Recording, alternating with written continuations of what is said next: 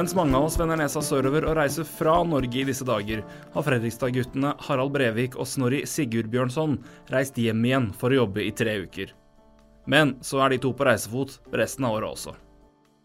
I slutten av november i fjor startet de på sin tur verden rundt i en bobil fra 1986. Siden da har de blitt skjenket av belgiske bryggerier, opplevd innbruddsforsøk i bilen i Spania og blitt matforgifta og forfulgt av politiet i Turkmenistan. Samtidig. Dette og mye, mye mer fra den uvanlige turen forteller de om i denne podkasten. Mitt navn er Torgrim Bakke, og dette er en sommerlig Hør her. Gutter, jeg får si, begynner med å si velkommen hjem. Eh, Det er ikke så lenge siden dere fløy og landa og troppa opp her. Det en, eh, ja, det var en, litt over en uke siden dere kom tilbake. Det stemmer det. Stemmer det. Virker egentlig som det var i går. Har ikke gjort noe annet enn å jobbe, så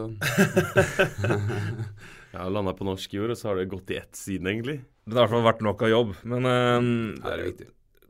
det her er jo ikke Mange tar ferien uh, utenlands i den tida. Det er veldig mange som strømmer ut av Norge. Dere har jo en litt annen hverdag enn de fleste av oss for tida, så dere strømmer jo inn fordi det er nå det er eh, nå er det knallhard sommerjobbing i tre uker. Eh, For de som ikke vet hva dere har drevet med, hvor er det dere kommer fra nå? Hvor er det dere fløy fra? Vi fløy fra Almaty i Kasakhstan. Vi har parkert bilen der. Forhåpentligvis står den trygt. Og den er der den kommer tilbake. Hos russere russer i Kasakhstan har vi parkert bilen. Så der har dere den, den, den så, så sikkert der. Vi håper det. Vi ga bort nøklene, så vi får se. Og bilpapirene. og vi la vognkortet, så, da ja. Hvis han har solgt den, så håper vi får litt profitt, i hvert fall. ja, Ja. prosenter. Prosenter kanskje ikke profitt. Men det er vel nå sju måneder omtrent siden dere begynte på den uh, turen her. For de som ikke da veit det, så driver jo dere og kan godt løs på et prosjekt og kjøre verden rundt i en eh, ja, Fiat Ducati fra 1986, en bobil. eh, som jo eh, verden rundt Prosjektet i seg sjøl er jo spennende. Det å gjøre det den bilen der er jo en, annen, en helt, annen, eh, helt annen sak. Men eh, dere har vært mange steder, og nå er dere kommet der. Hvordan har eh, det halve året her, da, for å ta det litt eh, generelt, hvordan har det vært så langt?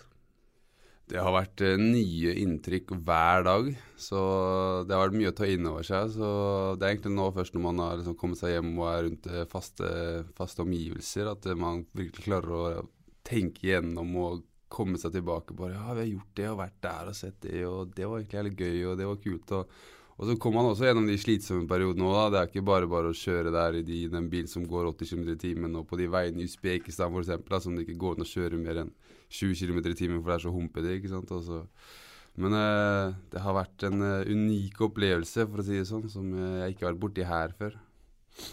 Dere har jo, det her er det andre turen dere har hjemme siden dere begynte. Dere var hjemme en tre dager på 17. mai for å gjøre tilsvarende der. Jobbe for å tjene opp penger til eh, drivstoffkassa. Stemmer. Vi skummer fløten når det kan. Når folk er fri, da kommer vi hjem og tar penger. Det er sånn det. Så dere vet nå mer enn andre hvordan det er å være EU-arbeidere. Det er, det er Ja. Men uh, vi får ta, litt fra starten, da, for det, er- vi har jo skrevet litt om turen her. Men nå, nå skal vi prøve å samle det så godt vi kan og høre det fra, fra dere direkte. Dere begynner uh, Er det helt i tampen av november eh, dere ruller ut? Da har dere eh, fått pussa opp og gjort det meste med bilen. Nytt eksosanlegg og pussa med god hjelp av sponsing. Det er jo den, den, den det, er en, det er en godt sponsa bil som durer rundt i, i Europa nå, eller og nå i Asia. Det eh, dere har fått mye hjelp der med, med, med oppussing og og Ja. mekking, for det er si både innvendig og mekanisk. Ja, det er sant. Det hadde, uten de, og vi er evig takknemlige for det, så hadde ikke den bilen rulla så bra som det den gjør. Det er helt sikkert. Men hvorfor den bilen der, og hvorfor det valget? Er det bare Nei, skal vi gjøre det ekstra vanskelig for oss sjøl? Nei, det var egentlig ikke sånn. Det var sånn, du vet når du ser en ting, og den snakker til deg i butikken, og du bare sånn Den må jeg ha. Det var, Ja, ja. Liksom, det var litt sånn den følelsen vi fikk når vi så bilen. Vi dro til Bergen for å se på den bilen her, da. Uh, og så står det jo AR-skilter, og vi bare Ja, den må vi ha. Så som du skjønner, er vi veldig profesjonelle bilkjøpere. Vi sjekka alt sammen. Ja, AR-skilter. Ja, men da Ja, ja, da er det greit, da er det greit. Dette fra hverandre? Ja, ja, men det er Ja, greit. det er Ja, AR-skilter. Ja, men vi har, vi har blitt enige den er så rusten at den har rusta fast. Liksom Den kan ikke ruste fra hverandre. Den faller ikke fra hverandre, selv om det er skrap. Ikke sant, Da er det på en måte greit. Men så har dere jo på toppen av det her gitt uh, alle de som er litt overtroiske og kan gjøre klart å kaste salt over alle skuldre de har nå. Uh, på toppen av det her, på en måte da ta en, en gammel Fiat-mobil med alt mulig, så velger dere å døpe Murphys, Murphys nummer én etter Murphys lov, som er alt som kan gå galt, vil gå galt. Det stemmer. Det er jo også da det, det, Jeg elsker det. Eh, det er antakeligvis noen dere kjenner som er litt mer overtroiske enn det jeg, det jeg har fiber i kroppen. De var vel sikkert litt Nei, men er det så lurt, da? Nei, Vi ser på det som en preemptive strike, på en måte. Nå har vi den innstillingen, og da, da, da klarer vi å komme oss gjennom det meste. Selv om det er nok av situasjoner vi har vært i hvor vi tenker ja, det er ikke rart bilen heter det.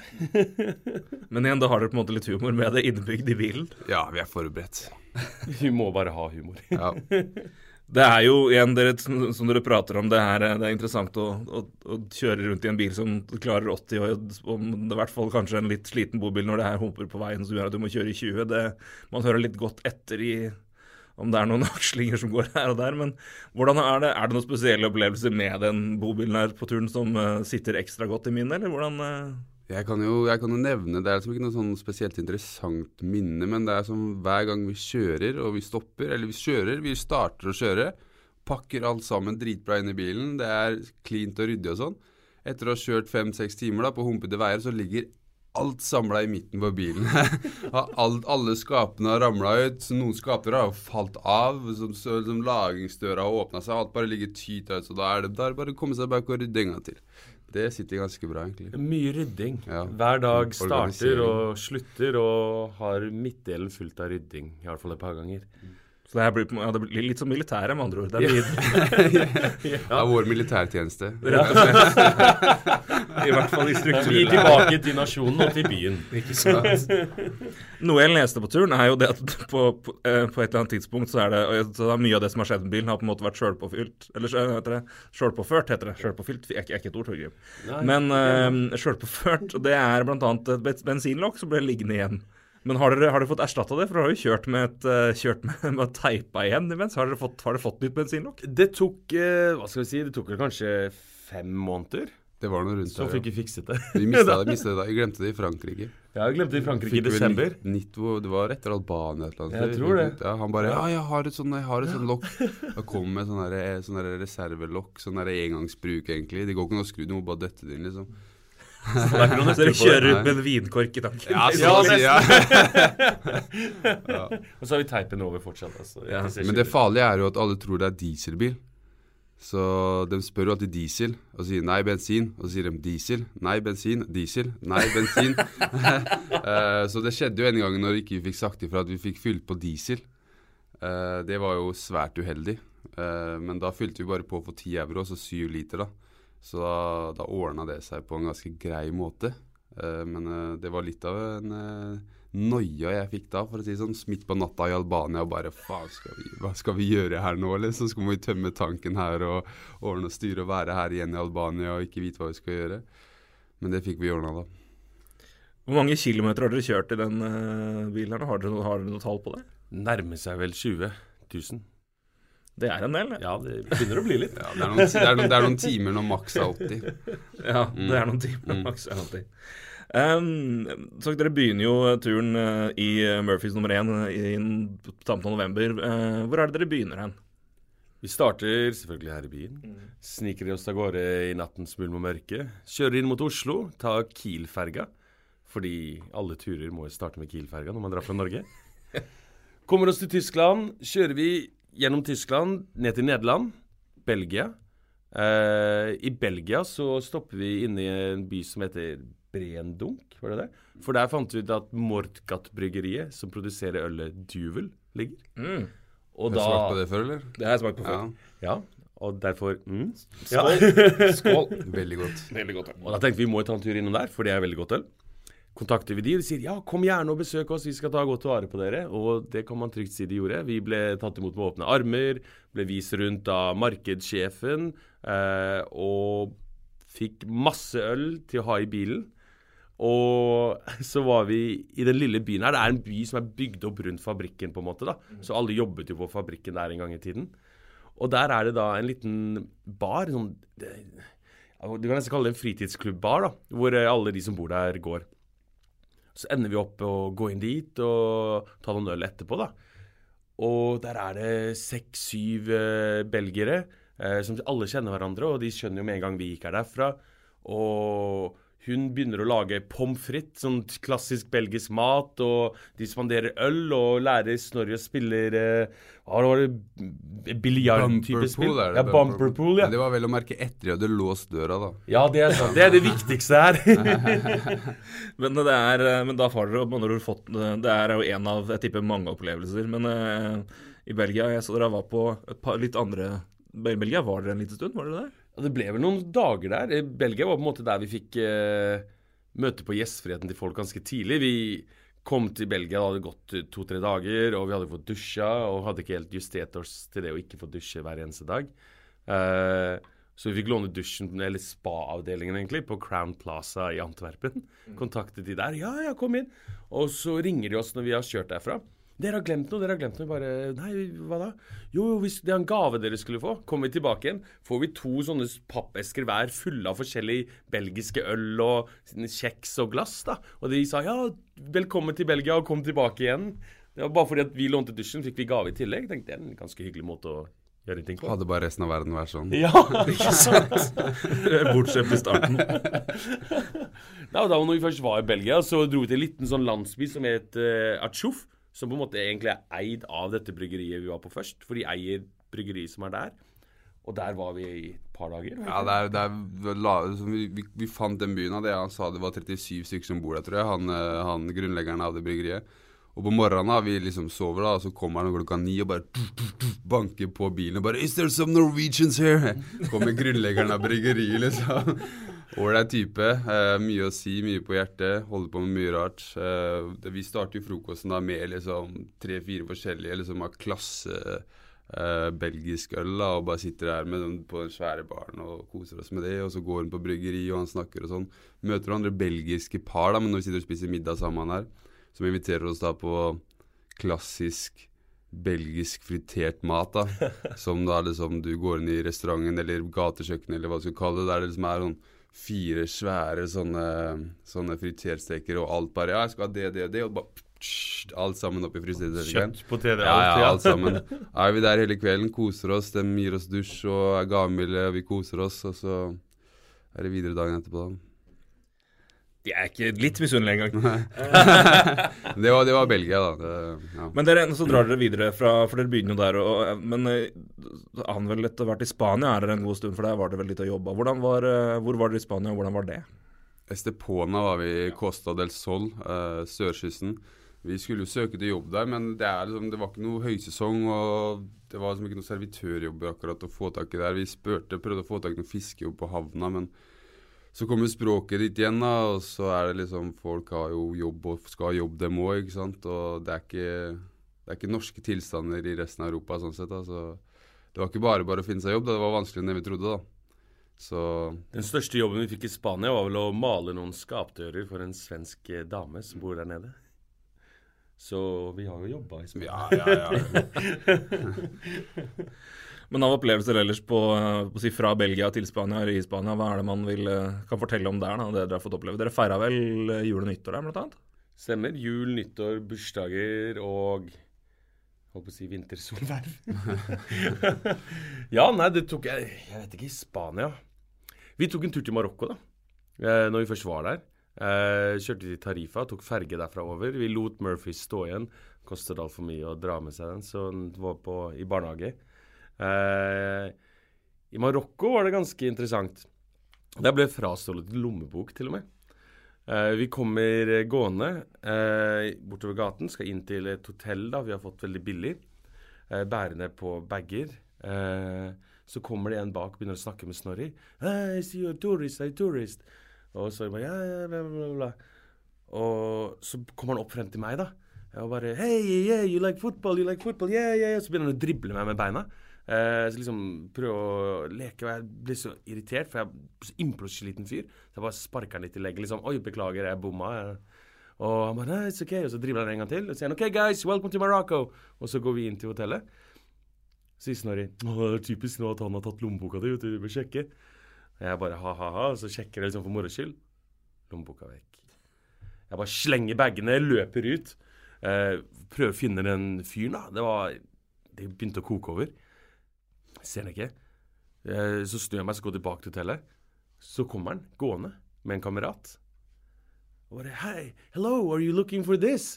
Og så holder han eh, lommeboken min, da. Uh, ja, ja. Den er, den akkurat den jeg ser etter. Yeah, I thought so. I've been walking all around looking for you. Bare ja, det er én gate her som uh, vi går i, og som du var i, og vi var i. Det er rart vi ikke har truffet, da. Oh, no, I'm sorry. Og så, sier, så gir han meg lommeboken, da. Og sier kameraten hans Yeah, but now you should give him a reward. Jeg må gi ham penger, da, fordi de har funnet lommeboken min. Jeg sier jeg har ikke noe penger. Jeg har noe penger i lommeboka. Åpner lommeboka. Der er det ingen penger. Og han sier jeg har du tatt pengene? Nei, nei, det hadde han ikke gjort. Han hadde bare funnet lommeboka, og vennen Ja, han prøver nå å være hyggelig, og så skal ikke du betale ham penger? Jeg sier ok, jeg kan gi deg Jeg har noen mynter i lomma. Du kan få de. Eh, men da må du svare meg på en ting. Så holder han ut hånda, da, så skal ha pengene veldig gira. Sier jeg, holder jeg pengene over. Si, si, fortell meg at du stjal lommeboka fra lomma, fra lomma mi. Han bare begynner å le. så stikker han av gårde sammen med kameraten sin. Så fikk jeg svar på det. Da var han nede på politistasjonen hvor ingen snakker fransk, eller ingen snakker engelsk, alle snakker bare fransk, og prøver å melde. Men det gikk jo greit. Kortene var der i hvert fall. Så vi overlevde den dagen òg. Det er en historie, i hvert fall. Det er en historie. Men det er en lang tur dere skal gjennom her, og det er Spania. Og, men eh, på et tidspunkt, når er det dere reiser videre derfra? For dere var jo der gjennom ja, i hvert fall over nyttår, da. Og nå, dere var der, det var vel en del uker i Spania, så vidt jeg kan huske? Det var nesten to, ja, to måneder. Eh, for vi fikk bo gratis i Estepona. Eh, leilighet der. Eh, så etter hvert så reiste vi derfra. Dro oppover eh, mot eh, Nord-Spania. Asturias. Eh, ja, og der var det en ganske festlig hendelse, egentlig. Vi var på en uh, strand. Vi fant sånn liten Det det er sånne klipper egentlig ut mot havet der, da. Så det er noen 20-30 meter rett ned, mye av kysten. Men så er det noen ganger så er det sånne avbrekk da, hvor du kan komme ned, og er fine sandstrender. Fant en perfekt uh, sånn sandstrand, stille og rolig. Dagen etterpå så går vi og bader, og så treffer vi på en fyr der som er sammen med en venninne. Vi begynner å snakke med de. Han er fra England, hun er fra Mexico. Eh, og han inviterer oss etterpå å komme til gården hans, da hvor han nå bor, da. Uh, kommer vi dit, og det viser seg at han her, han er en brite som bodde på en husbåt i England, som sank. Og når husbåten hans sank, så tenkte han ja, da får han finne på noe annet. Så han begynte å vandre rundt i Europa med to esler, to hunder og en katt. Fra Frankrike til Spania, over fjell og gjennom fjell og daler. Over. Pyreneene, altså. Ja. så vi ble på gården hans, hilste på eslene Han hans og hundene. Og de hundene, det er ikke sånn, det er ikke sånn chihuahua, det er en eh, schæfer som er enorm, og det andre er en enorm sånn Det er sånn spansk mastiff, Ja. altså sånn som passer passe på kuer, da, som ikke ulvene tar kuene. da. Så du, du kan se for deg nesa, den svarte delen på nesa, er så like stor som hånda di. så, men den fikk vi ikke hilse på, den var bare inne i et hus og bjeffa av seier. da, Så heldigvis. Den hadde allerede drept en gris, så Så vi er glad for det, egentlig. Men videre fra, fra Spania så, så beveger dere dere østover mot, eh, mot, mot Asia. Eh, hvor er det ruta går derfra? Etter eh, nå Ja, etter Spania. Ja, vi, eh, etter Spania. eh, det ble jo Frankrike. Vi tok kysten langs Frankrike, Italia. Så vi var, vi var fire uker i Italia. Uh, Jobba på sånn frivillig senter, på sånn konferansesenter, som vi da fikk mat og bo. eh, mot at vi jobba fem timer hver dag.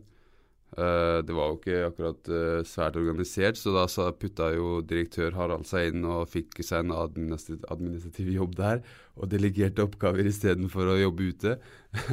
Selvfølgelig som sjefen må gjøre. Uh, var vi der fire uker, veldig greit. Ble kjent med masse forskjellige hyggelige folk. Ble forresten for kjent med en jente fra Usbekistan som heter Farangis. Hun, hun hadde jo familie i Usbekistan, så hun sa når du kommer til Usbekistan, så må du bare ta kontakt med broren min. da. Så det gjorde vi da når vi kom til Usbekistan. Han viste oss rundt, og vi møtte på familien der og sånn, så det var veldig kjekt, da. Uh, videre etter det så dro vi da ned i kysten Italia, det var vel da Kroatia, uh, Slovenia, var det ikke det? Der vi møtte med og snakka med noen sosialdemokrater.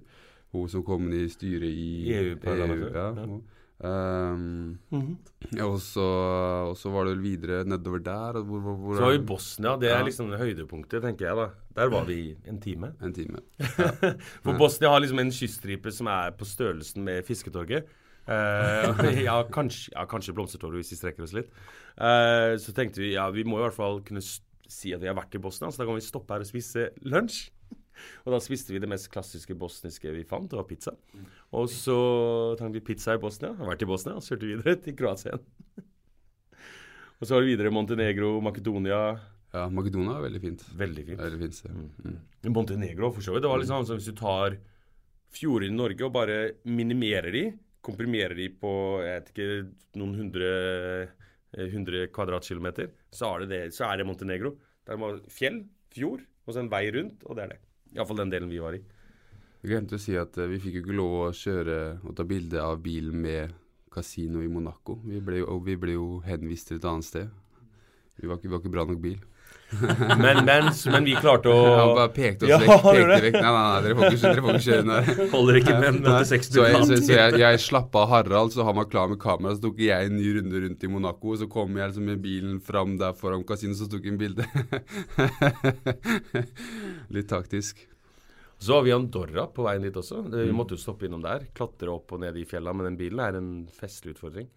Ja, for det leste jeg det var eh, noen rimelig heftige nedtur, altså, turer ned fjell i rimelig bratt stigning, hvor, eh, hvor eh, Murphys fikk seg en liten, liten pause på veien, for det begynte å lukte svidd. Ja, det, vi fikk også tips når vi var her hjemme forrige gang, at hvis det begynner å koke i bremseveska, da er det krise, liksom. Så det er om å gjøre å stoppe når det begynner å bli varmt.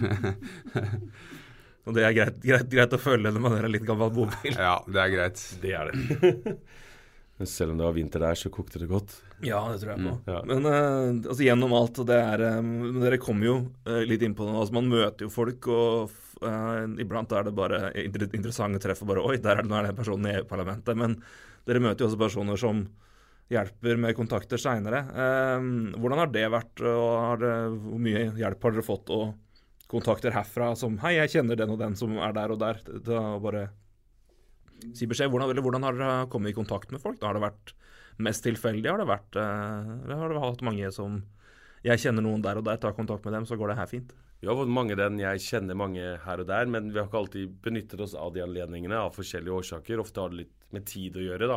Sånn som nå de siste ukene, så har vi hatt litt tidspress. Eller egentlig siden Italia, fordi da måtte vi rekke fra Italia. Vi skulle fly fra Georgia tilbake hit for å jobbe 17. mai. Så da var det liksom begrenset hvor lang tid vi hadde. Og det samme når vi skulle nå neste runde tilbake til Almaty, da. Så måtte ting skje innenfor en viss eh, ramme. Men ofte så er det det vi treffer på folk. Det er jo mye tilfeldigheter. Eh, jeg vil si kanskje det er det som er det største. Eh, og så er det tilfeldigheter og noen ganger noen som har en kontakt. Ja, prøv å ringe den og den. Eller sånn som vi traff broren til hun vi var med i Italia, da. Er det litt det man, derfor man har valgt å gjøre som dere gjør òg? Altså, for det er jo en eh, Det er mange som reiser rundt opp mange forskjellige steder, men uh, dere gjør det jo på en måte som kanskje er litt ukonvensjonell. Er det litt det at man kommer i situasjoner hvor tilfeldighetene må litt spille inn? Man må, man må på en måte slippe litt hendene opp og si ja, ja, nå får det bare bli ting bli som det blir, og så kommer hendelsene deretter. Er det litt av appellen til, eh, til den turen her, og at dere gjorde det som dere har gjort, rett og slett? Ja, jeg tenker at vi gjorde jo det for vi har lyst til å kanskje møte nye mennesker, da, se hvordan det er. Og vi har absolutt møtt en god del. Og vi kunne sikkert ha møtt en god del mer, men altså, vi har møtt en god del forskjellige mennesker takket være måten vi reiser på, da. Eh, folk ser jo den bilen, og de bare er i ekstase, liksom. De Unge har, løper Ja, langs bilene bilen i de, gaten. de, har ikke, de har ikke sett en lignende bil før. Og når vi kjører rundt i, i stanlanda, så er det jo det er tuting og vinking og det som er hele tiden. ikke sant? Og hoiing og for, Hvis vi stopper et sted og døra står åpen, så kommer det to-tre stykker plutselig bare inn i bilen og bare 'Hva er det her for noe?' liksom. Og Den snakker jo ikke engelsk, men vi prøver å kommunisere på en eller annen måte med språk og kroppsspråk og fingre og tegninger og sånn. Men eh, ja, det kommer absolutt mange og er interessert i oss og den bilen. Vi ser jo ikke akkurat ut som vi er derifra. Og de er ikke så veldig vant med turister i de områdene, så ja. Nei, det er øh, for nå, klart, nå- var vi inne på Georgia. Dere dro derfra for å jobbe 17. mai, og så drar dere tilbake. Og derfra går dere inn i du sier, for å kalle det Stanlandet. Dere er vel i Georgia til Aserbajdsjan, Usbekistan, Turkmenistan og så Kasakhstan. Kirgisistan. Kirgisistan. Ja, ja, selvfølgelig, Vi kom ikke inn i Tadsjikistan, da måtte vi ha visum. Vi trodde det var visumfritt, men da måtte vi snu på grensa. Ja, Tadsjikistan, ja. Ja. ja. Mm. Det er vel uh, av de mer kjente diktatorlandene i verden nå, er det ikke det? Jo, det og Turkmenistan. Ja, men da var vi jo Vi fikk jo komme i Turkmenistan. Der så jeg at det var øh, noen Dere har jo en Facebook-gruppe, eller Facebook-side, hvor dere legger litt bilder og forteller litt ting og, og rapporterer. Eh, Det var veldig mye bilder av, av diktatoren når dere var i Turkmenistan. Ja, det er overalt. Det er eh, selv Vi fikk ikke tatt Jeg fikk ikke bilde av det beste bildet av han. Det var en collage inne på um, grensekontrollen da når vi skulle ut av Turkmenistan. Da var det stort sånn collage. Det var bilde av liksom, Turkmenistans eh, diverse idretter. da. Og men selvfølgelig da var det presidenten som gjorde disse idrettene. Så var bildet han ridende på hest, og så var det bildet han fekte, og så var det bildet han i fotballdrakt. Alle liksom selvfølgelig kledd i riktig utstyr da, hele veien. Men så var det bilde av helt nederst så var det bilde av bryting og boksing, men det var ikke presidenten. Det var noen andre. Selv der var det ikke nok troende til han kunne klare det. Men igjen det her er land som er ikke et klassisk reisemål, eh, og som ikke er kanskje litt vant på å se turister. Men det å farte rundt her må jo da være en ganske unik opplevelse. Var, eh, hvordan så dere fram til å, å reise rundt i de landene og få oppleve det? da, Og, eh, og få, få, få bes- besøkt land som ganske få, i hvert fall her, besøker? Nei, altså For min del så var det vært en av høydepunktene for å se de landene, og spesielt Turkmenistan. Det var jo Vi kom jo inn der, da, og vi fikk jo transittvisum, da. fordi hvis du skal ha vanlig visum, så må du betale 100 dollar hver dag for å ha guida tur, da. Så vi bare Nei, det har vi ikke budsjett til, så da tar vi transittvisum. Fikk det. Måtte jo legge ut en 450 dollar på grensa for å komme inn, da, vel å merke, da, pga. alt byråkratiet da, og fram og tilbake. Men å komme inn der, da, og så komme inn til Ashkabat, da, som er hovedstaden her, så legger du merke til at hele byen er hvit, unntatt asfalten, da, selvfølgelig, og sånn trærne og sånn, men alle bygninger er hvite. Uh, og det er jo da kun fordi diktatoren liker hvitt. så det er jo ganske interessant, syns jeg, da. Og, Og alle bilene er hvite fordi svarte biler er forbudt. og røde biler. Og røde biler, Ja, ja. så vi har flaks der at ikke vi hadde svart eller rød bil. da. Liksom, litt sliten hvit. er ikke helt uh, blenda hvitt eh, i fargen nå. Nei, men Det sier jo litt om landet når du kommer dit, og så er en av de første tingene du får når du kommer i grensekontrollen, en GPS-sporer som skal følge deg. Som Ja, du må sette inn i den, bilen den den så jeg. Den måtte Yes. dere ha hele turen den der. du ha hele turen der. Og så blir det tegnet opp en rute på et kart. Dette er ruten dere skal følge. Og så står det veldig tydelig 'ikke vik fra denne ruten'. Selv grensekontrollene sa 'gjør hva dere vil', men du vet aldri hva som er Med, lurt der. med, med en Ja. GPS i bil, så tar Ja. ikke den sjansen Du vet ikke andre enden, liksom. De bare ja, Ja. nei, nei, nei, ikke sant. De snakker jo ikke så mye sammen, så plutselig så er det bare ja, nei, du skal være fengsla her, da. Så vi, vi holdt oss til det, da. Sånn sett. Men Turkmenistan har jo en historie. Det her er vel, eh, hva skal man si, leder nummer to som lager en personlighetskult rundt seg. Eh, han, han tok over ti år siden cirka. Eh, han er tannlege, og det er jo som regel Var de- vel kanskje var tannlege. vel Han tannlege. kanskje Eller det er derfor Det han er så glad i gøy hvis han Han var det med det fremdeles. lenger, liksom. Bare jeg borer og Nei, det ble feil. Nei, det her er akkurat helt Ja, riktig. det er akkurat det jeg kan se for meg. egentlig. Det er derfor byen er så hvit, for han er så glad i hvite tenner. Svart minner han om hull, ikke sant? Ja, det må være noe sånt. Og rød blod. Ja. liksom. Det må være noe sånt. Han er Beste teorien jeg har hørt noensinne. Ja, det er eneste Det være logiske. sånn. Ja. Men han har ikke bygd mange statuer av seg ennå. Han har bilder av seg overalt, selvfølgelig. Men han forrige, han som han tok over etter, han hadde jo satt opp statue av seg selv. Han det første kalte han seg eh, Turkmen Bashi. Landet heter Turkmenistan. Turkmen pluss Bashi betyr jo fader, så han var liksom eh, faren til alle turkmenerne. Eh, og så hadde han lagd en stor statue av seg i gull. Som roterte etter solen, så hele tiden han sto i solen. Det er det Den- viktigste. Den har han selvfølgelig fjernet nå, men statuen står der bare, men nå står den ikke på den roterende sokkelen. da. Den eh, venter han vel til å få sin egen statue på, med tannlegebordet. Ja, det som også var ganske interessant i Turkmenistan, vi tok jo ferje over dit, fordi vi hadde jo Iran-visumet vårt hadde gått ut, så da var det her må vi løse på en annen måte. Så vi var jo i Baku i to uker eller sånn, og prøvde å vi var i noen konsulater og ambassader i Iran og Turkmenistan og fram og tilbake. Ja, for det skulle egentlig til Iran også. Ja, men uh, vi hadde jo da Vi trodde visumet var fra 14. til Var det ikke 14. mai eller noe sånt? Ja. Eh, men det, da gikk det ut 15. mai, og så ble vi litt forsinka, så vi var der 20., så vi måtte dra tilbake fra grensa på der, Snu på grensa der òg, da. Så da tok vi ferja over, og da møtte vi en kar fra Turkmenistan. Vi satt jo på båten da klokka fem på natta, fordi vi, vi fikk beskjed ah, hva er det klokka? Sånn rundt 10-11-12 på morgenen, liksom, så får dere billetter. Uh, billettene fikk vi ikke før klokka rundt fire-fem, og båten gikk jo ikke rundt før klokka fem på natta igjen. Så vi var jo der bare og gjorde ingenting. Men eh, da møtte vi en kar da, som skulle be, og han ble litt kjent med, da, som var fra Turkmenistan. Og han hjalp oss da, så han sa han at én dollar i banken i Turkmenistan er 3,5 turkmenske manat. Men hvis du går på gataveksler, så får du 1 dollar til 19 manat. Så det var ganske grei forskjell, da. Så han hjalp oss med å veksle det her, da. Som var ganske ålreit. Ja, greit. Gå på svartemarkedet en gang iblant. Svartebørsen. Ja, Nei, er du på tur, så er du på tur. Jeg, jeg, trodde, det jeg, det. trodde, jeg trodde mer det skulle være omvendt. Vanligvis så er det omvendt at du får bedre rente, bedre kurs liksom på gata, men, eller nei, på, i banken, men altså så drar du på gata, så får du da mange ganger mer her, da. Det er jo Ja, det det er jo seks ganger. ganger mer, liksom. Og ja. ja. Også, Og så, Og hvordan det skjedde òg, er litt interessant. For vi kom, vi kom til den havnebyen. Jeg kommer av ferga. Hele prosessen der og er jo en Det er jo en egen podkast, det. det alt fra ferga og på havna. Kom vi endelig ut av havna alle sammen. Da har vi brukt Fra ferga la til og vi fikk gå av, så har det gått cirka, ja, i hvert fall åtte-ni timer til vi kommer, kjører ut av grensekontrollen på havna. Og da kjører vi inn til byen, vi plukker opp han fyren her, eh, for han venter på oss. Og så kommer vi kjørende, og så skal han stoppe og spørre noe, for han er ikke helt sikker på vei. Vi satt til det vanlige markedet først, da. Eh, for han skal kjøpe noe fisk og sånn. Eh, stopper vi langs veien, så plutselig kommer det en Lexus, parkerer foran oss. Eh, bare OK, hva er det her som skjer nå? Så han fyren går trodde det var sivilpolitiet. Ja, det virka litt sånn. Og så går han, og så kommer han inn. 'Han her kan veksle penger, han her kan veksle penger.' For han så vi var turister. Og så kommer han med den bunken med penger, da, og skal veksle. Det var bra.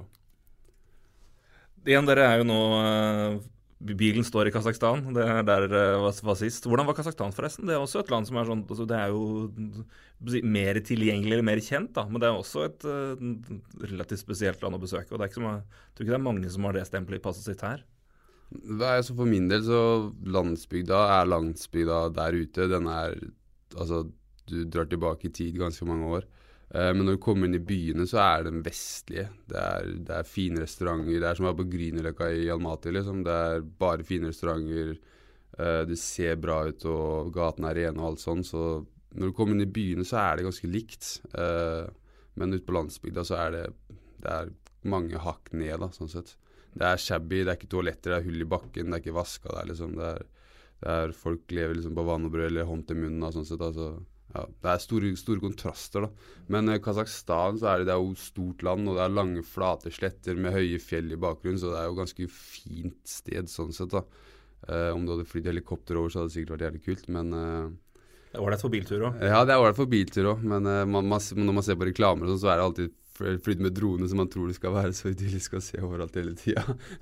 men når du ser fra bakken, det er veldig fint. eh, veldig, veldig fint i Kasakhstan. Men det er store kontraster på befolkningen på utsiden av byen og innsiden av byene. Det mest interessante oppi der var vi var jo innom Kirgisistan på veien, og da var vi i hovedstaden der, Bishkek. Og der er det Den er fortsatt sovjetby. Liksom. Bygningene der er masse stående. Det er store Lenin-statuer. Hvor mange liksom. Lenin-statuer fant vi? Ja, vi fant i hvert fall var to. hvert fall- Jeg tror det var tre. Ja, det var kanskje ja, tre. ja, Ja, tre statuer av Og, Lenin. og i hovedstaden, der, der var det en enorm en, liksom, rett bortenfor en av de største samlingsplassene. Det var den ene statuen med bilde av oss der foran Karl Marx og Fredrik Engels. Det er ikke mange, av de, det er ikke mange steder du finner sånne statuer fortsatt, for å si det sånn. Nei, det er, eh, det er jo et timestamp. eh, for å si det sånn, tids, tidsstempel. Det er det virkelig. Og det var egentlig moro å være der. Du fikk skikkelig følelsen av at det her kunne vært 1973. Og Men det, mange av dem har jo fortsatt de, de gamle kommunistbygga oppe. De store, liksom, majestetiske bygga. Det er ganske stilige bygg, liksom. Og store plasser, liksom. Hvis du har sett liksom, videoer fra Nord-Korea, sånn, så ser du sånne åpne, store plasser. Det er liksom, det, det er sånn det ser ut i de stedene der, da. Mm, Det er ganske interessant. Men en ting annet, da, selvfølgelig opplevelsen, men eh, jeg tenker jo tidspunktet dere farter rundt i land som ligger jo ganske godt i solsteikposisjon solsteik eh, hva gjelder på kartet. Og det er vel ikke akkurat eh, high-tech eh, aircondition i eh, bilen. Hvordan har det vært? det er la oss si sånn ikke low-tech aircondition engang. det, det er eh, Hvordan kan man best illustrere det? er vel å si når du kjører, og det koker i bilen Vi har vinduene åpne. Så er det ofte man tar armen ut ikke sant, for å bli litt avkjølt. Det er, da er det som å ta armen under en hårføner. Det er enda varmere.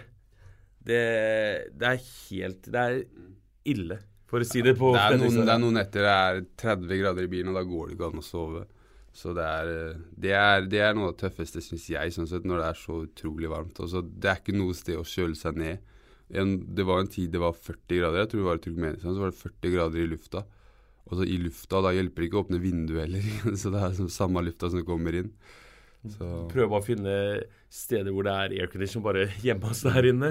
det er sånn skyggeleting etter hvert. Nei, så I Turmenistan òg, det henger, jeg det henger litt sammen med det, men der klarte vi å bli matforgiftet også. Så vi Koselig. Ja, det er veldig hyggelig. Det er fint i bobil. Det er deilig. I bobil Uten hvor, toalett. uten toalettet Og dusj. og dusj, og uten aircondition i tillegg, da, når det er 40 grader. Med våtservietter. Ja. Så du er jo å finne hull i bakken, da. Som ofte er veldig rene og hygieniske. Ja, eller et skjult sted. Det er vel ofte det det blir. Når vi fort kommer vekk fra alt det flate steppemarkene. Nei, så Det varte jo i to uker. Og det var, det var rett da vi ble kasta ut av Turkmenistan i tillegg av politiet. Ja, det ble dere jo. Mm. Hva, hva, hva skjedde der? Nei, vi kom til Vi fikk jo fem dager i Turkmenistan. Eh, den fjerde kvelden eh, Eller ja, kvelden fjerde dagen eh, kom vi til den siste byen vi skulle være i. Tenkte vi skal finne seg å parkere, så skal vi gå litt rundt og titte dagen etterpå, og så dra inn til Usbekistan. Finner vi et sted eh, fin parkeringsplass. Begynner å gjøre oss klare, går og legger oss. Plutselig banker det på døra. Bare Hva i all verden er det her nå? Det var liksom ingen biler utenfor. Ingenting. Kommer ut, står det en eh, politimann i ganske høy rang. Du bare ser det litt på stjerner og ting på uniformen. Eh, og han, han, han er med en politibil. Så står det en annen mann, sivilt kledd, eh, men i en, en gull-Lexus. Eh, han har walkietalkie. Og de sier at vi kan ikke stå her. Vi forteller hvorfor kan vi ikke det, og prøver å kommunisere. Og igjen, de snakker ikke så veldig bra engelsk heller, for det er jo en rød tråd gjennom alle stedene vi er. Frem og tilbake, frem og tilbake. En halvtime går, de diskuterer seg imellom, de prøver å fortelle oss. Tar på telefoner. Ja, telefoner, alt annet blir involvert. Ok, det er godkjent. Han i sivil forteller andre de kan bli. Han politisjefen eller hva han er, ble ikke så veldig fornøyd med det, men greit, det gikk bra. Kjører han i Lexusen, vi går inn. Titter ut vinduet noen ti minutter etterpå, ser politisjefen fortsatt står der. Og så kommer det masse av flere politibiler og mange andre politifolk. Så står de der og har møte i hvert fall en halvtime. Og etter hvert så forsvinner alle sammen. Legger oss til å sove. Den natten så våkner jeg. Da er første natten av eh, dommedag, holdt jeg på å si, av eh, matforgiftningen. Jeg må Det presser på begge veier, for å si det på en pen måte. Jeg må ut. Eh, selvfølgelig er det jo ikke noe toalett i nærheten der vi står. Så ser jeg det står en hvit Lada parkert på motsatt ende av parkeringsplassen. Når jeg lukker igjen døra på bobilen, så går det en fyr ut av den bilen. Og han følger meg parallelt, men bare 20 meter lenger nede. Overalt hvor jeg går. Hvis jeg stopper og går to skritt tilbake, går han to skritt tilbake. Jeg tenker OK. Så kommer det to andre fra samme bil. Det er to politifolk i politiuniformer. De går på motsatt side av meg, ca. 20 meter. Og de følger meg også. Jeg bare, ok, Hvordan skal det her gå nå? For nå presser det seg virkelig på her. Og de kan ikke de, Snart må noe bare skje. Jeg ender opp med å gå og snakke med politifolka og si jeg er dårlig i magen, jeg er kjempedårlig, jeg må, må få gjort noe. Eh, de, han ene går og prøver å finne en do, faktisk. Eh, de klarer det. Eh, henter meg, bruker der, holder på der. Og tilbake til bilen igjen. Eh, legger meg til å sove. Så skjer det enda en gang til. Da går jeg og vekker de i. De ligger og sover, da, de politi politifolka. Tilbake til doen. Eh, de spør om jeg skal på sykehus. Nei, nei, det er greit. Vi får vente og se. Går og seg, går og legger meg igjen. Neste morgen klokka syv banker det på døra igjen. Snorri går og åpner, og da er det en ny politimann. Ja, altså, Da er det jo nytt skift, da, mest sannsynlig. da. De har jo ikke da fått vite at vi var greit at vi skulle stå der. Vi hadde tenkt å liksom, utforske byen og se hva, hvordan det så ut der. Og de har jo vite nå, vel å merke den byen. uh, Tenner. ja, men, uh, men da er det sånn fram og tilbake. Og Harald, da, som, uh, som en rutinert reiser, hadde da kjøpt en sånn eh, engelsk, russisk, turkmensk ordbok. da. Eh, så de her spør da når vi skal reise, og jeg liksom drar opp liksom i kveld, da, evening. da, for å vise dem, da, og de, de ringer noen folk og ordner og styrer og vet ikke helt hva de skal gjøre og sånn. Og så kommer de til beslutninga beslutning at vi skal følge etter dem, da. At, uh, ja, og da er det bare å skru på bilen, følge etter, og de, de viser oss bare veien rett ut av byen da, klokka syv på morgenen. Og vi bare sånn, ja ja, da får vi dra, da.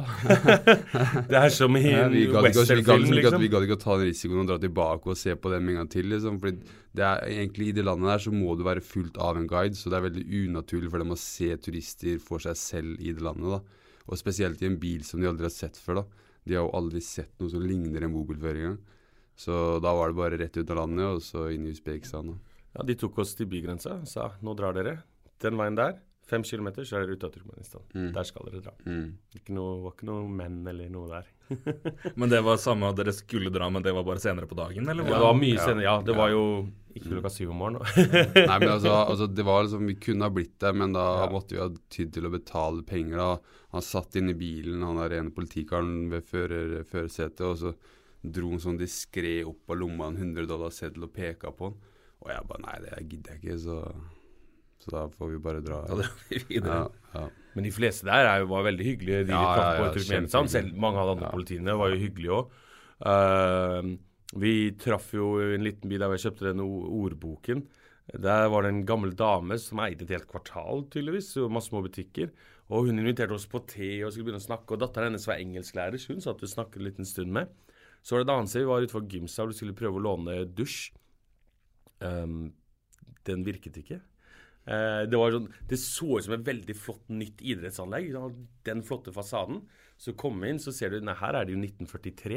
Jeg mener, du ser treningsapparatene, alt sammen, er i treverk, og det er, det er, det er gammelt. Så de hadde bare bygd ny fasade, så bygget så Men det var fine bilder, av, fine bilder av presidenten, selvfølgelig. I judokostyme og forskjellige ting, og ridde på hest der også.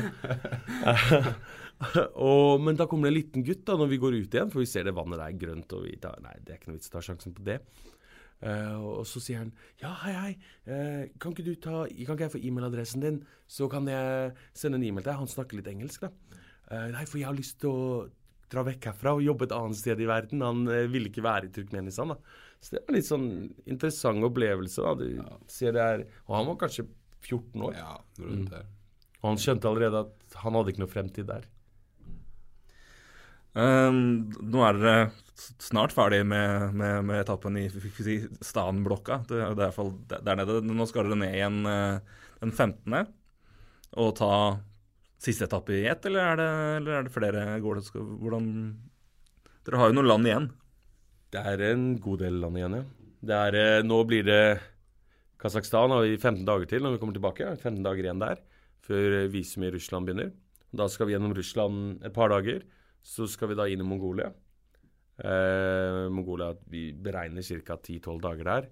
Så er det i Russland igjen, til Vladivostok. Og derfra går det ferge som vi skal ta til Japan. Og så er det da Det er, det er en som sa litt eh, Hva skal man si eh, Flåsete at ja, kommer dere til Japan, skal jeg kjøpe container til dere til Nord-Amerika. Så vi velger å holde an til det. Det er en som selger lamper. Ja. Jeg solgte lamper. Så der har dere, da har dere transporten sikra der, i hvert fall. Ja, vi får se, da. det er vel lurt å jobbe med en plan B der òg. Nei, det er jo en stor, stor grunn for at vi må, jeg må jobbe her for å dekke de ferjene. Det er eh, ikke billig. Nei, det er fergene, så er det de få løpende kostnadene vi har, så vi ikke kommer fra selv om vi er på tur, sånn som lån og sånne andre ting, da. Og visumutgifter og andre ting.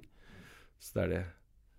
Men altså, nå har dere vært midt i det i litt over et halvt år og farta rundt, og det er klart det er mye inntrykk å ta inn og sånne ting. Når man kommer her, kommer hjem litt, da, får det litt på avstand, og spesielt nå når man skal fortelle litt om det og dele av det, hva, hva tenker dere om hva dere har vært med på så langt, og det at dere har eh, faktisk fått, fått gjort den turen her, at dere har valgt å gjøre det? Hva, hva kjenner dere på når dere forteller om det her? For det er ganske, det er ganske mye her som er relativt spektakulært.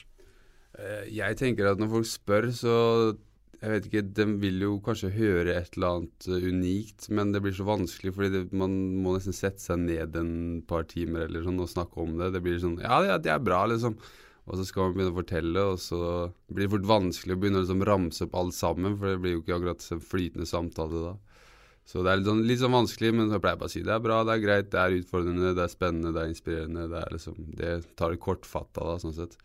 Og så er det mye annet som går an å fortelle hvis man sitter og snakker om det, da.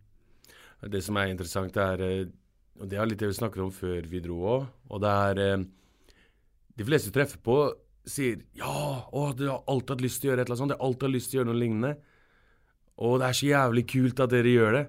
Og det er det den følelsen for min del blir bare mer og mer forsterkende og kommer tilbake nå, for de treffer folk og forteller litt, og det er bare Å, det er kjempeinteressant, og ja, nå får jeg lyst til å gjøre det virkelig igjen. Jeg tenkte på det for 20 år siden, eller 10 år siden, og, og det er litt det det er Noen ganger så er det bare én gang i livet du har muligheten til å gjøre det. I hvert fall det virker sånn. Og da tenker jeg når en mulighet er der, så må jeg bare ta den, og for min del så angrer jeg overhodet ikke på det. Men det er Jeg skal ikke si at det, det, er ubehagelig å komme hjem og ha fast bad og dusj. Det skal jeg ikke klage på. det er det deiligste. Varmt vann. Rennende varmt vann. Ja. Gutter, hjertelig. Jeg skal runde av med et par uh, kjappe, kjappe, spørsmål, så får dere svare på det så godt dere kan. Uh, det? Det er Nja, vi skal se. Du får eventuelt en, en, en, en kaffe eller et vann, vann til. Ja, vi må holde hydreringen oppe her. Du holder hydreringen oppe. Du får nyte, nyte vann på springen så lenge du kan. Ja. Eh, det, her er, altså, det, her er, det her er kanskje vanskelig å pinne det, men eh, er det noe som står fram som et, et morsomste enkeltøyeblikk, eller sånn, eh, som man kan le godt av, eller er det et eksempel på det? Det er klart det er mange å ta her, sikkert. ja, det er mange å ta av. Prøve å tenke litt nå, da. Det er det perfekt tidspunkt for reklamepause, tenker jeg. er et av de morsommere det er Jeg eh, skal prøve å ta det litt kortfattere. I hvert fall, jeg vet ikke om det er sånn morsomt, sånn latterlig morsomt sånn. Det er eh, Vi traff Vi har fortalt litt om en historie på siden vår. At vi møtte på Georgia. Så kom vi kjørende eh, ned, prøvde å finne en parkeringsplass ved en park ved et vann. liksom, Kunne stå litt rolig et par dager før vi skulle fly tilbake. Utenfor Tiblisi kommer vi kjørende ned litt lite grøntområde. Der er det mange sånne små jordlapper. litt sånn kolonihageopplegg. da. Folk som bor i byene, så har det en liten jordlapp der. Eh, og Hvor de da dyrker litt forskjellige grønnsaker og sånt. da. Og kanskje og litt sånn skurhusopplegg. Der er det en fyr plutselig som vi parkerer bilen, for veien er jo helt humpete. Så er det en fyr som bare stikker hodet opp, en eldre mann, og bare Høy, høy! Og vi ender å komme i kontakt med han, da. Uh, han tar oss med, vinker oss inn til han. Han snakker jo ikke noe engelsk igjen, så alt her er jo gestikulering og miming og tegning. Um, kommer inn til lille eiendommen hans, der hvor han dyrker druer og brenner Eller lager brennevin, da. Uh, han og en kamerat. Han er tydeligvis tidligere politisjef i den byen vi er i. og kameraten hans sier iallfall han er professor i, i spritlaging. og Uansett, den kvelden her tar helt av med diverse sprit og vin, og vi drikker og drikker og koser oss. Og du treffer de, de ringer venner, kommer kona hans og barna hans, og vi får overnatte der. Veldig hyggelig. Dagen etterpå, det er jeg skal frem til nå, så er ikke det her over. For da kommer de og banker på. 'Ja, nå må dere komme opp.' Og vi bare 'Hæ, hva? Nå skal vi prøve å dra videre inn til Tiblisi.' 'Nei, nei, nei, dere må være med, vi skal spise lunsj nå.' Ja, OK. Går vi bort til en restaurant, så begynner det igjen. Da begynner det å komme vin og cha-cha, som den brennevina heter. Og Snorre er ganske rask til å melde seg. Nei, det er hans kjøredag i dag, så han skal ikke Jeg sitter vel og merker i pysjen. Ja. ja. Vi har ikke vaskemaskin, så det Jeg sto akkurat opp fra kvelden før. Og der kommer det karafler med vin som er to liter uh, Tar to liter med vin. Og så fyller han opp glassene. Og det er bare jeg og han ene som drikker den vinen. Og hver gang skal skåle, og vinen skal ikke sippes, den skal shottes. Så det er skål, og så whoop, det glasset vekk. Altså, I middag i Georgia så er det skål hvert 15 minutt. Og det er ikke bare en skål, da skal du skåle for noe hele tida. For helse, for familie. For det. det er hvert 15 minutter, og det er ikke vin, det er cha-cha, som altså er georgiansk vodka. Men smaker enda verre. Yes. Det, tar, aldri det kommer liter på liter med det ene og andre, og den kvelden her, eller den dagen blir til en kveld, det òg. Og det var bare å prøve å være høflig, da. Norsk høflighet bærer ikke så godt overens. ja ja, skål da, dere. Ja. um, jeg tror vel vi har toucha innpå det med tanke på at det er ikke ofte man går eh, steg for steg med politimenn og, og, og spanere, men det mest absurde øyeblikk er det matforgifta i Turkmenistan mens man blir fotfulgt av politifolk. Jeg, tror det nesten må være det. Ja, det må nok faktisk være det. Det er litt som en fra komediefilm, på en måte. akkurat det. Det, jeg ser jo for meg det. Det er jo Ja. omtrent en Monty Python-sketsj. Ja, ja, det er ikke langt unna. Jeg har vært borti et par sånne, ja. Det. Har, hatt noe, altså, har det vært noe Har det vært noe skummelt øyeblikk? Eller noe som på en måte har vært eh, ubehagelig underveis der? Eller har det som regel gått greit? Det var, det var et ubehagelig øyeblikk. Det er sånn, Midt på natta så er det jo psyken på deres svakeste, så vi var jo ikke akkurat vel beredt. Men det var noe som knuste bakgrunnen, eller prøvde å dra opp eh, ruta bak på bobilen. Så vi hørte knakk, og så hørte prøvde å åpne døra da. Sånn klokka sånn tre-fire på natta i Spania. Da var det sånn Å, shit, hva skjer nå, liksom? Eh, det var ganske ubehagelig. Eh, men ellers så har det vært ganske greit, sånn sett. Ikke noe sånn veldig ubehagelig. Politiet, militæret, alt er veldig hyggelig. Det er liksom ikke noe å være stressa over. De tar det fint og skjønner at vi er turister og ja, setter pris på at vi er der, tror jeg. Er det noe som har vært en spesiell opplevelse som måtte stå opp som det her kommer vi til å huske spesielt? Altså enten noe, noen har vært og sett, noen har fått, man har fått besøk gjennom, noen har møtt og på en måte fått tilbrakt en dag med, eller altså byer man har bare Å, herregud, hva er det her for noe? Er det noe som står fram der? Ja, jeg syns byen Tbilisi var uh, veldig fin. uh, noe jeg kan huske veldig godt. Uh, og den opplevelsen Georgia, da, for øvrig, for de som ikke vet det. Georgia, ja. Eh, og, og den opplevelsen å møte han karen på stranda med de eslene, det er noe sånn jeg bare Jeg trodde ikke det fantes sånne mennesker engang. det er liksom ja, Han hadde liksom med mammaesel, sønnesel, katten sin og to hunder, og så gikk rundt omkring i verden. Jeg bare sånn Ja, Ja, det var en engelskmann? ja, det var engelskmannen av britene, og han hadde noe mye rart å si, og han hadde mange konspirasjonsteorier, så vi satt og snakka ganske lenge, for å si det sånn, og prøvde også å motbevise han, men han hadde alltid et eller annet svar på det, så det var, det var veldig interessant. ja, det var ja, det kommer jeg til å huske godt, for å si det sånn. Er det noe dere har liksom sett fram til på turen? Som det her blir sikkert altså, Den byen her har det sånn, blir sikkert, og så har det ikke vært så spesielt? Har liksom alt vært Det her er jo topp uansett, eller har det vært noe som har vært litt, litt skuffende? Eh, Nei, jeg vet ikke skuffende, men altså det, det, når man går ut i byer, så er det som regel egentlig bare å gå rundt og se på hvordan det ser ut byer, hvordan atmosfæren er.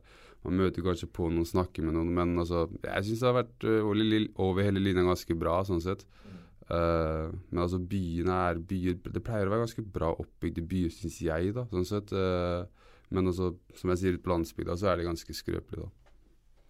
Nei, det, det, det, det som er interessant, er jo litt touchet Ta de to litt sammen, de to siste spørsmålene, er jo også det Gjestfriheten og vennligheten til de vi har møtt og truffet på. da, Det kommer til å huske lenge. liksom Om det var han Peter da, med de eslene, eller han vi møttes som vi var på å veksle penger, og da tok oss på middag selvfølgelig da etterpå. Så han spanderte og bestilte all slags type kjøtt.